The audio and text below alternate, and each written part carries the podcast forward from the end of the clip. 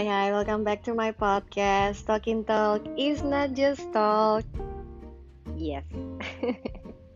uh, ini kayak podcast pertama gue gitu yang gue record uh, sore-sore. Biasanya tuh mostly uh, semua podcast gue gue uh, bikinnya malam. But uh, doesn't mean this is like a very special edition.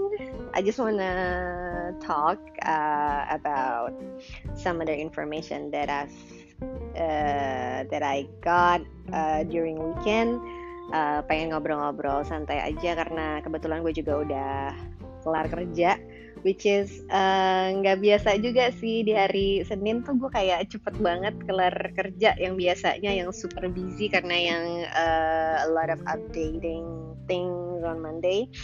But then uh, I start quite early today uh, karena kebetulan juga uh, mbak yang kerja di rumah yang biasa ngebantuin gue tuh lagi mudik kan. Nah mudik. Gimana tuh caranya mudik?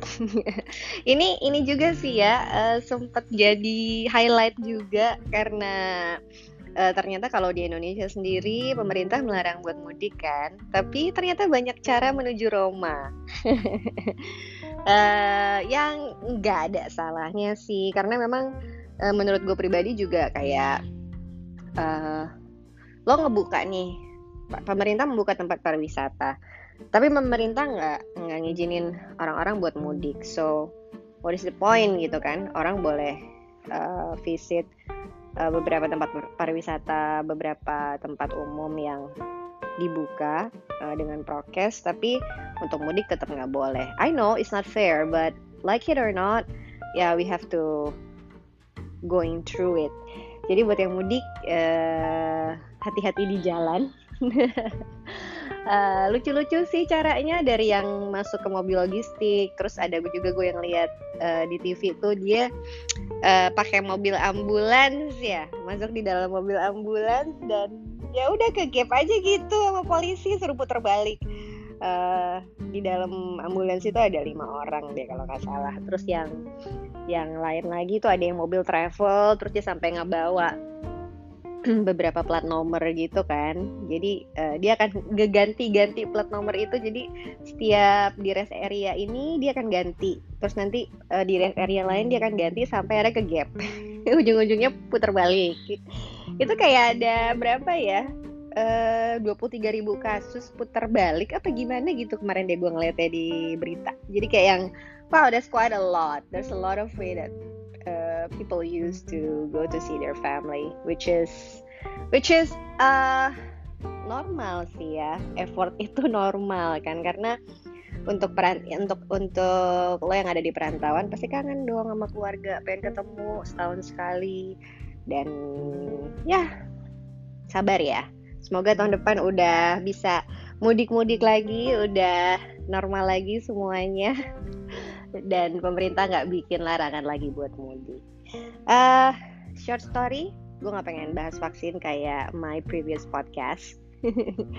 Cuman uh, pengen info aja sih, gue udah vaksin dua kali, cie cie. Udah vaksin dong, udah lengkap, udah nggak nggak nggak harus worry lagi uh, dan ya syukurlah nggak ada nggak ada apa ya nggak ada efek-efek yang uh, ya efek-efek yang yang yang yang responnya nggak bagus di badan. Jadi kayak yang mungkin ya tadi vaksin pertama gue yang sempet demam di hari ketiga dan di vaksin kedua sama sekali nggak. Cuman itu kayaknya yang nyuntik kayak ngasal aja gitu kayak uh, suster koas gitu.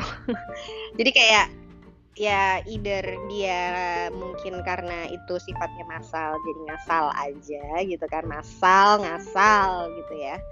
Ya udah sih cuman itu berasa kayak otot tuh kayak sakit aja gitu sampai hari kedua. Tapi nggak yang sakit banget cuman berasa kayak orang yang nggak bisa nyuntik gimana sih? Gitu. Jadi ototnya kayak sakit bukan gue tegang loh. Serius gue nggak tegang. Serius relax banget. Uh, ya yeah, at least I'm done. I hope you will get your vaccination as well soon. Uh, ya. Yeah. mm, ya yeah, well. Udah ah nggak mau bahas vaksin lagi. Gue pengen bahas ini nih gue pengen cerita aja ya. Uh, jadi kemarin tuh selama weekend uh, gue nonton tuh maraton kan. Nah, salah satunya itu gue lihat satu film dokumenter gitu uh, dan itu ngobrolin soal beberapa pulau di Indonesia itu uh, dari sekian ribu pulau yang ada di Indonesia. Ada berapa sih pulau di Indonesia? 17 ribu let's say. Uh, jadi uh, episode itu sorry dokumenter itu nyeritain soal Island of Fate. Jadi ada beberapa pulau di Indonesia yang punya keyakinan masing-masing. Dan uh, ada tujuh pulau yang dia bahas. Salah satunya adalah Pulau Bali. Tapi kayaknya kalau gue cerita Pulau Bali it's very common kayak uh, banyak hal mungkin orang yang juga udah tahu soal soal Bali kan. Uh, dan di dan di dokumenter itu mereka nyeritain uh, soal hari rayanya Pi which is udah jadi hari libur nasional juga kan. Jadi nggak nggak it's nothing special. Cuman mereka nggak jelasin aja uh, ternyata uh, hari raya mereka yang setahun sekali itu di Bali which is the place I live now the place that I uh, that I was born dan tinggal saat ini uh, itu ternyata bukan cuman punya tujuan untuk uh, apa ya uh, keagamaan keagamaan saja gitu. Tapi ada tujuan untuk untuk lingkungan juga which is which is dari uh, stopnya aktivitas selama 24 jam itu. Setahun sekali itu di Bali itu sangat memiliki dampak yang luar biasa. Terus mereka ngebahas uh, buta kala miskala itu kan ada kayak pawai ogoh-ogoh gitu kan. Mungkin buat lo yang udah sering lihat uh, either pernah nonton langsung atau cuma ngeliat di TV uh, eh, atau di YouTube sekarang ya which is kayak orang jarang banget nonton TV uh, iya jadi itu adalah represent uh, buta dan kala. Jadi buta itu kata salah satu yang cukup berpengaruh di salah satu puri di di Bali dia menjelaskan bahwa buta itu ada di dalam diri kita. Jadi kayak sifat malas, sifat pemarah, seperti itu. Terus kalau kalah itu diwakili oleh kita yang uh, memiliki sifat seperti binatang. Jadi kayak have wild side of us gitu inside of us. Terus niskala itu alam. Bagaimana kita menyatu dengan alam. Jadi uh, bagaimana dalam dalam satu hari itu mewujudkan untuk uh, buta kala yang dilebur dari dalam diri kita untuk bersatu dengan niskala alam.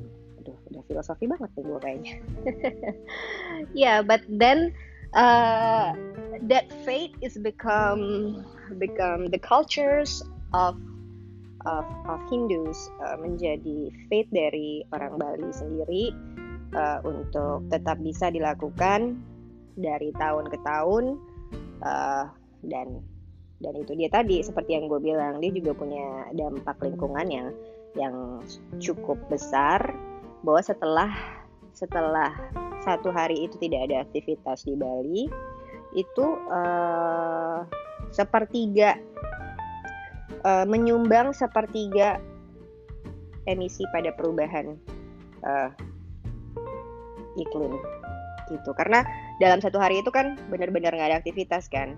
Nggak ada mobil nggak ada nggak ada motor yang boleh keluar tidak ada pabrik atau apa pun yang yang yang ber, ber uh, beroperasi airport pun tutup. Jadi benar-benar nggak ada gas apa pun yang bisa terbang ke udara gitu. Jadi kayak langit tuh benar-benar bersih and you can see the star are very nice in the night. Ya stargazing. Itu kayak emang udah uh, stargazing hunter kalau pas nyepi kan. Nah terus yang yang yang yang bikin gue uh, well mungkin dari lo kalau emang lo berasal dari pulau yang mereka ceritain di film dokumenter ini, I believe you know. Tapi gue pribadi, uh, I don't know about this. I just know after I watch this movie, uh, and it's quite interesting.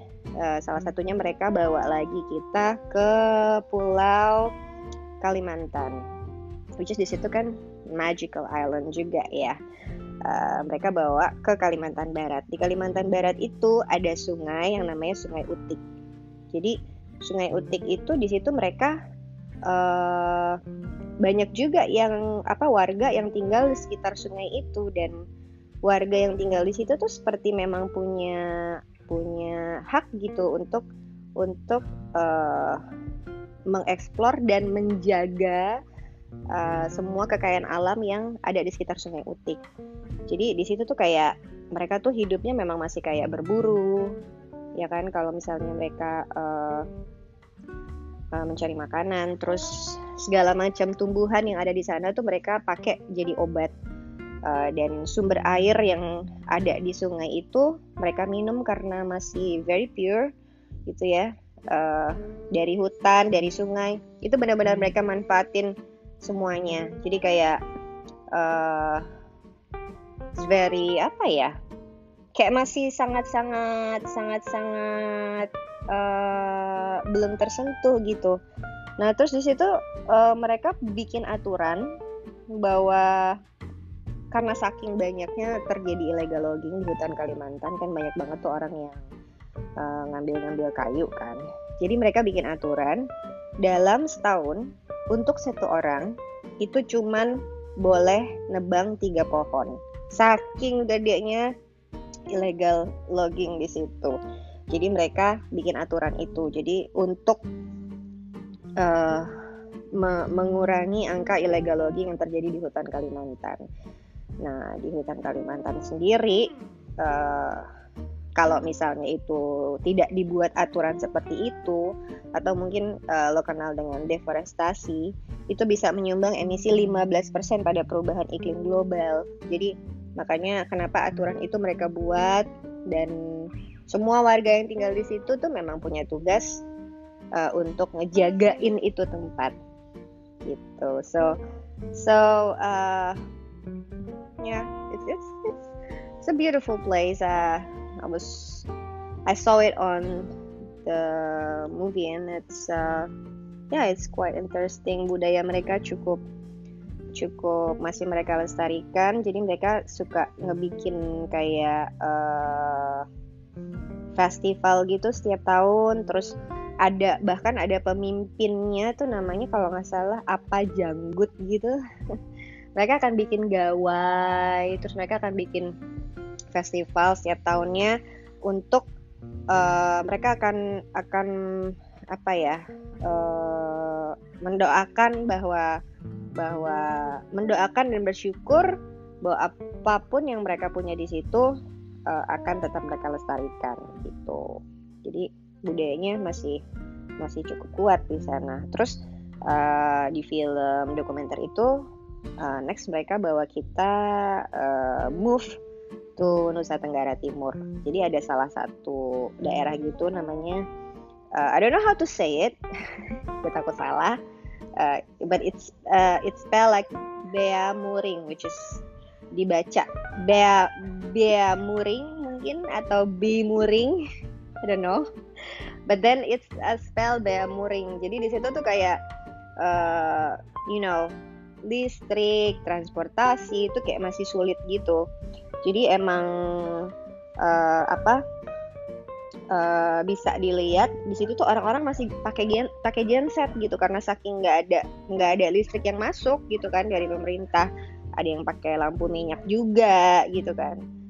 Terus uh, bahkan kalau dihitung-hitung gitu ya uh, dilihat dari beberapa ber, ber, beberapa rumah di situ tuh mungkin ada kayak 50 generator gitu dalam satu desa gitu. Jadi kebayang dong noise-nya, suaranya, polusinya gitu kan.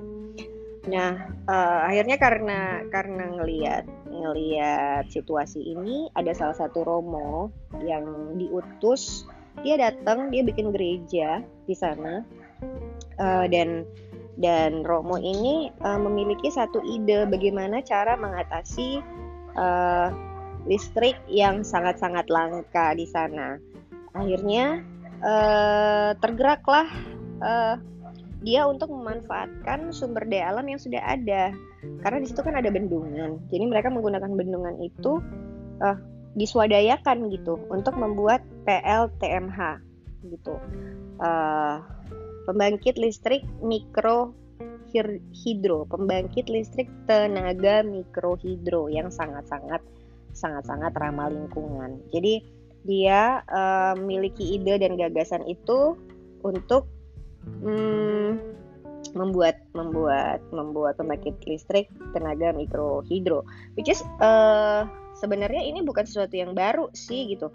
Uh, well ya banyak juga uh, beberapa investor dari luar Indonesia yang yang tertarik gitu untuk untuk mengeksplor infrastruktur bendungan untuk uh, bisa menjadikan listrik gitu kan. Dan bahkan uh, gue dengar katanya uh, Jokowi sendiri uh, mungkin akan akan akan atau atau sedang merevisi uh, peraturan Menteri Energi dan Sumber Daya Mineral gitu. Untuk khususnya untuk untuk penerapan PLTMH ini. Cuman ya nggak tahu lagi tuh nanti gimana ke depannya. Anyway uh, balik lagi ke uh, apa ke Romo yang yang sangat mulia ini. Jadi uh, dia benar-benar bekerja dengan dengan warga di sana untuk memanfaatkan sumber daya alam yang ada gitu uh, untuk bisa uh, menghidupkan desa tersebut untuk mendapatkan listrik. Nah satu waktu hmm, itu kan digerakin sama turbin ya, jadi ada kayak rumah gitu di dalam itu ada turbin, ada penggeraknya uh, untuk aliran air itu di bendungan dan itu rusak. Akhirnya karena itu rusak. Uh, nggak bisa supply listrik kan di desa tersebut jadi akhirnya uh, dia coba ngobrol sama warga sekitar uh, menyampaikan situasi di kondisi yang ada dan untuk untuk apa perbaikan perbaikan alat tersebut membutuhkan membutuhkan biaya yang tidak sedikit gitu kan dan akhirnya mereka sepakat untuk uh, saling membantu bagaimana caranya secara secara apa mandiri untuk bisa memperbaiki bendungan tersebut. Ya salah satunya ada beberapa tiang juga tuh yang udah kayak uh, apa rusak itu mereka sementara ganti uh, dengan bambu gitu. Terus untuk perbaikan turbin itu sendiri mereka upayakan dari uh, beberapa warga yang sekitar di situ yang yang paham dan mengerti. Nah so far uh, setelah mereka sepakat dan dan melakukan semua itu dengan seluruh warga dan akhirnya turbin itu bisa bisa work well. Dan ya desa desa itu bisa bisa kembali lagi menggunakan uh, apa menggunakan sumber daya alam yang di situ untuk mereka jadikan tenaga listrik. So it's very ramah lingkungan ya ternyata ya banyak banyak hal yang mungkin kita eh, nggak uh, bisa lihat untuk menjadi sesuatu yang bisa berguna gitu uh, untuk masyarakat sekitar.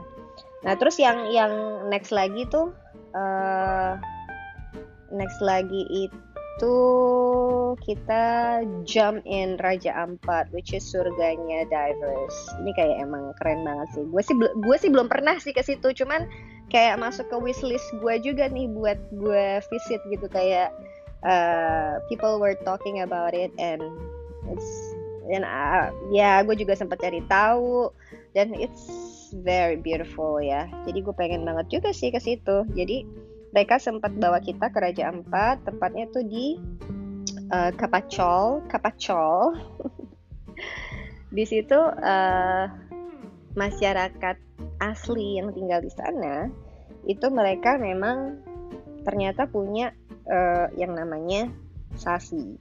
Jadi apa itu sasi? bukan sasi tapi ini sasi sasi itu kesepakatan di Indonesia Timur untuk mengambil hasil laut gitu. Nah sasi ini uh, dimiliki oleh ada uh, jadi kalau misalnya di peta mereka tuh ada tulisannya tuh sasi uh, buat mama-mama gitu. Mama-mama mama-mama yang yang yang ini yang yang uh, asal dari Papua itu mereka uh, punya sekian hektar gitu. Misalnya 37 hektar gitu punyanya si mama-mama gitu. Nah terus yang berapa hektar lagi tuh punyanya siapa gitu. Mereka udah sepakat gitu. Dan yang uh, buka sasi yang sorry yang yang ngebuat sasi ini kalau untuk para kumpulan wanita ini adalah ada salah satu gereja itu gereja GKI gitu gereja Kristen di situ uh, jadi mereka jemaatnya itu dengan dengan uh, pendeta di situ mereka membuka sasi itu setelah tutup enam bulan. Karena mungkin dari dari beberapa pertimbangan karena mungkin uh, mereka butuh support, butuh dana untuk bisa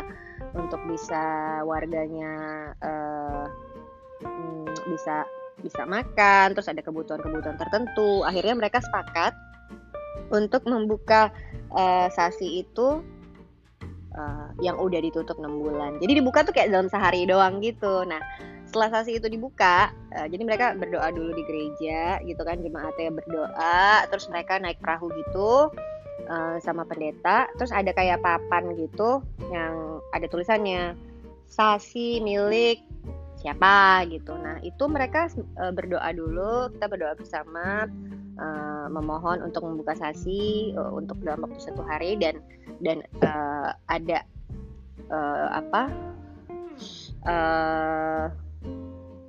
orang-orang uh, atau komunitas wanita ini yang yang yang menyelam untuk mencari hasil laut. Jadi hasil lautnya tuh gila banget sih. Ada tripang, terus ada lobster yang gila gede banget gede-gede banget. Terus ada macam-macam lah dan itu mereka hitung tuh ada yang dapat berapa ekor 700 ekor 500 ekor. Nah itu mereka kumpulin uh, mereka jual untuk bisa mendapatkan uh, dana yang mereka akan bagikan kepada warga yang memang berhak atas sasi tersebut. Nah setelah udah dapat hasil laut tangkapan laut itu ya udah mereka tutup lagi sasinya. Gitu dan ternyata memang uh, yang gue lihat ya kan memang hasil laut Indonesia tuh emang luar biasa ya.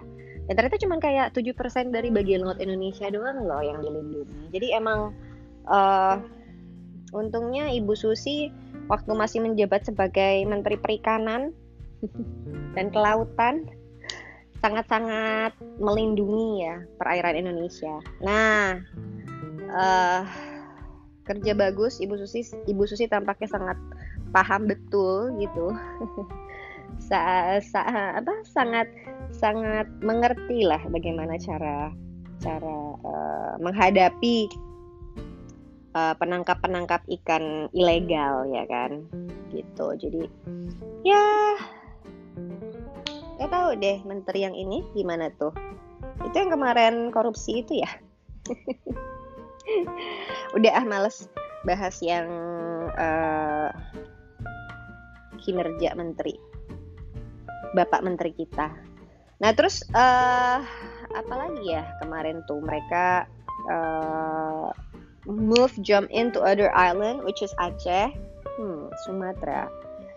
Uh, di film itu mereka ngebahas soal gajah Sumatera which is gajah Sumatera itu kan memang uh, satwa yang harus dilindungi gitu. Satwa yang harus memang dijaga untuk keseimbangan hutan Sumatera. Uh, karena peran gajah Sumatera itu ternyata sangat besar karena mereka kan hidup di hutan Sumatera. Sementara uh, hutan Sumatera itu juga memiliki apa uh, dampak yang sangat sangat besar gitu loh untuk untuk uh, menyumbang emisi pada pada perubahan iklim. Jadi ya bagaimana gajah Sumatera itu benar-benar harus kita jaga, bukan diburu. Uh, ya benar-benar menjadi satu yang dilindungi. Uh, sorry, gue tiba-tiba agak ke distract gitu karena gue lagi main nih.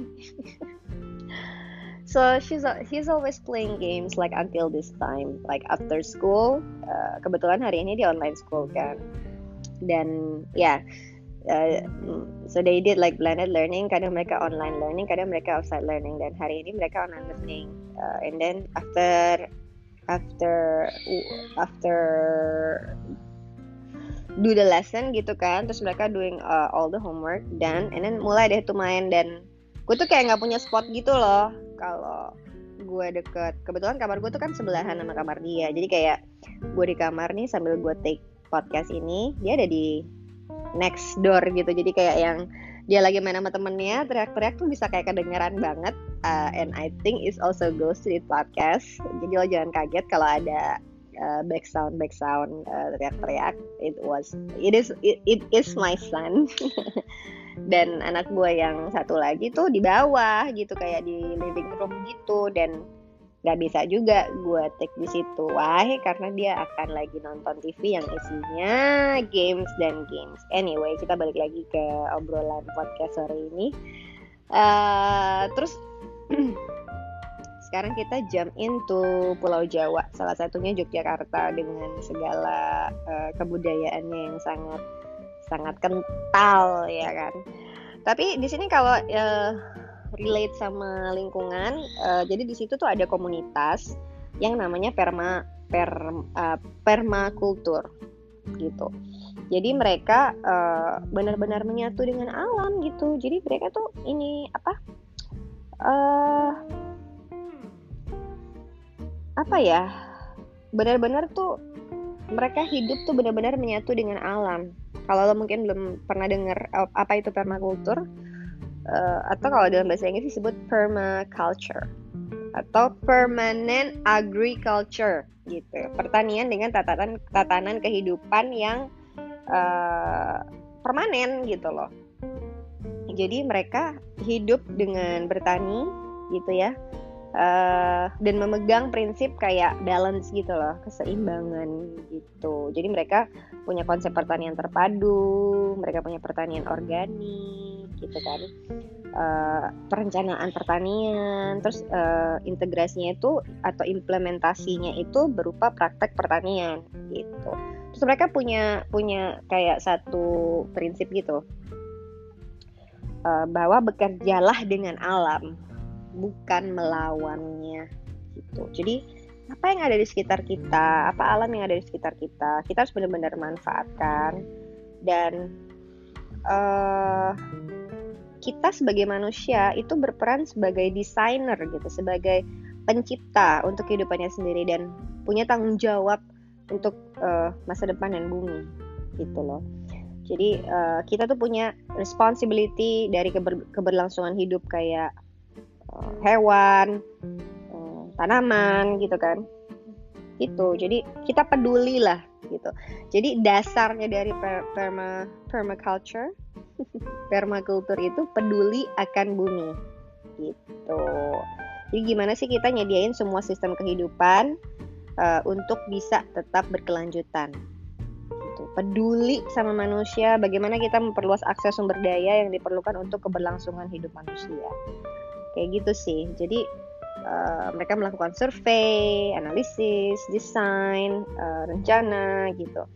Dan uh, permaculture itu sangat-sangat ya sangat-sangat sangat-sangat menyatu dengan alam gitu. Jadi uh, luar biasa sih ininya apa penerapannya sendiri ya di Yogyakarta.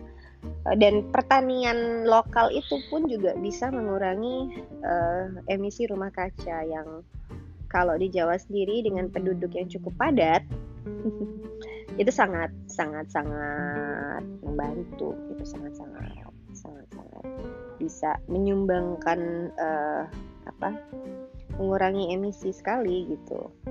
Nah, apalagi yang mereka bahas yang paling terakhir nih, Jakarta urban city kayak uh, this is kayak udah apa ya? I've been well, I've been living there and I know uh, ibu kota ini memang sangat-sangat sangat-sangat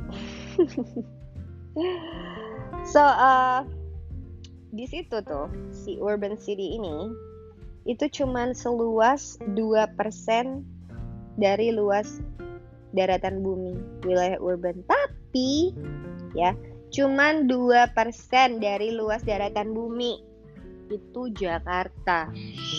Ya, 2% doang, tapi nyumbang lebih dari 70% emisi gas rumah kaca. Gimana coba? Gimana tuh?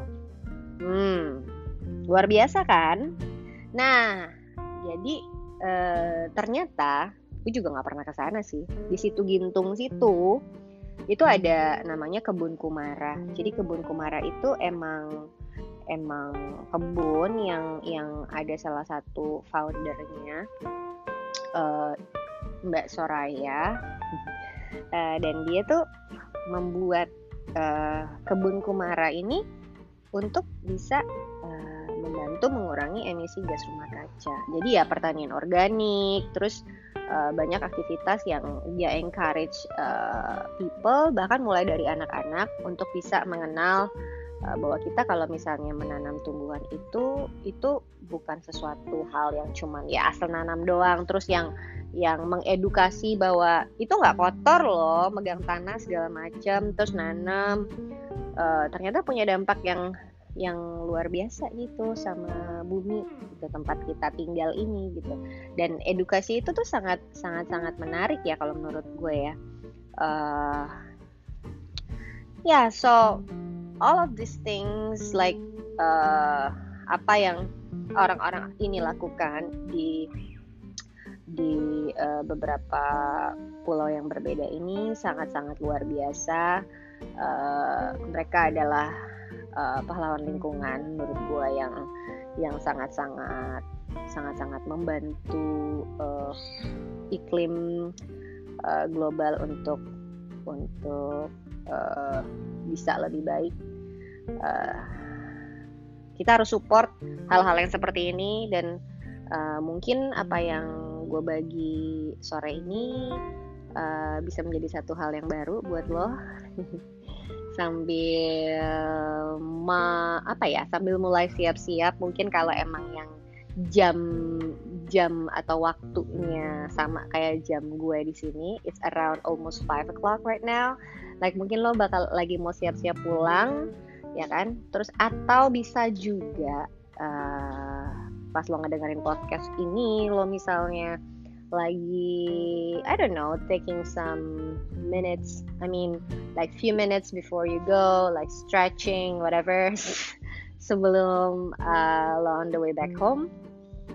Terus uh, atau mungkin juga udah di jalan ya kan udah di jalan uh, kalau udah di jalan pokoknya hati-hati aja. Hati-hati di jalan tapi yang di hati mohon jangan pergi. Loh gimana sih itu maksudnya? Uh, well uh, thank you for listening my podcast. Uh, uh, I hope that all of you will be good. Uh, gue pengen lo punya uh, apa um, having a good mood in your uh, good day Karena biasanya orang kan I hate Monday segala macam. Nah, oh iya, satu lagi sebelum gue tutup podcast gue. Happy Mother's Day. Uh, it's actually yesterday. It's like a global Mother's Day. So happy Mother's Day to all the mom around the world. You rock. You rock. So uh, yeah, I send you big love from me uh, from Bali, uh, and I hope that all of you uh, dalam keadaan yang selalu sehat.